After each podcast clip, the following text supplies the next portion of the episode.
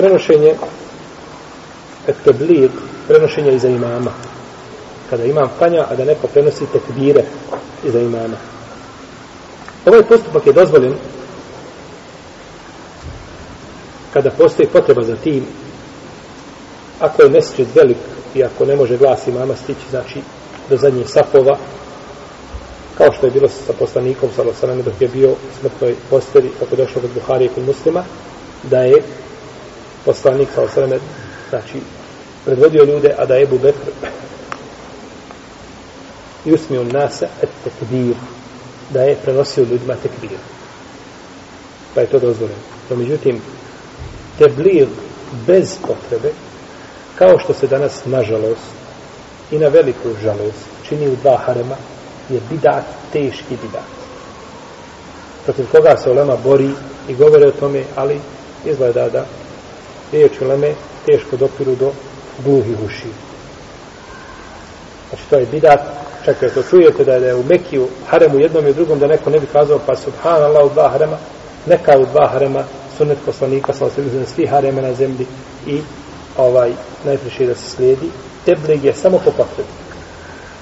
A danas znači razglas koji imaju u Medinskoj džami ima najsavremeniji razglas na svijetu znači zadnji krip tehnike po pitanju ovaj ti stvari je u Medini. I opet pored toga ima šta?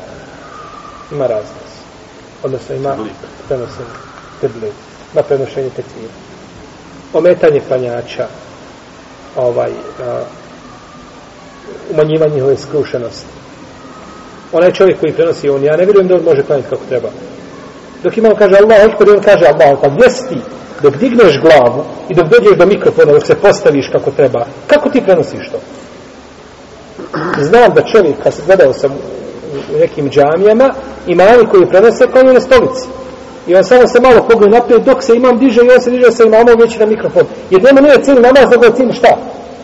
Prenošenje. I on se znači orijentiše da, da prenošenje bude u redu, a ne gleda opće na namaz. Jer ti se ne možeš ni skru... Ti mora znači otiš dole gledaš kada imam diže glavu da diže za njim. Znači nisi ti u namazu, ti si, ti si u svome, na svome radnom mjestu. Tako da je to bidat koji ne treba danas činiti. Vjerujem skoro pa nigdje osim u zimnim situacijama. Dok imaju, znači, razglasni uređaj, ne treba to činiti. I kaže neka ulema da je namaz batil, ko se tako čini. Namaz onoga koji to čini, koji prenosi, ne ljudi svi, koji pa nemaju veze s otim. Ali kada bio jedan čovjek koji drži pa prenosi, Allahu ekber, Allahu ekber, ponavlja za imamom, njemu je namaz šta? Kod neke uleme batil.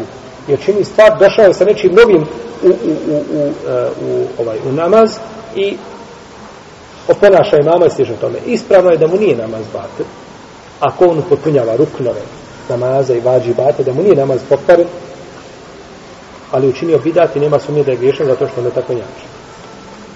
Hvala Allah koji ne se zaštitio, znači, ovih bidata.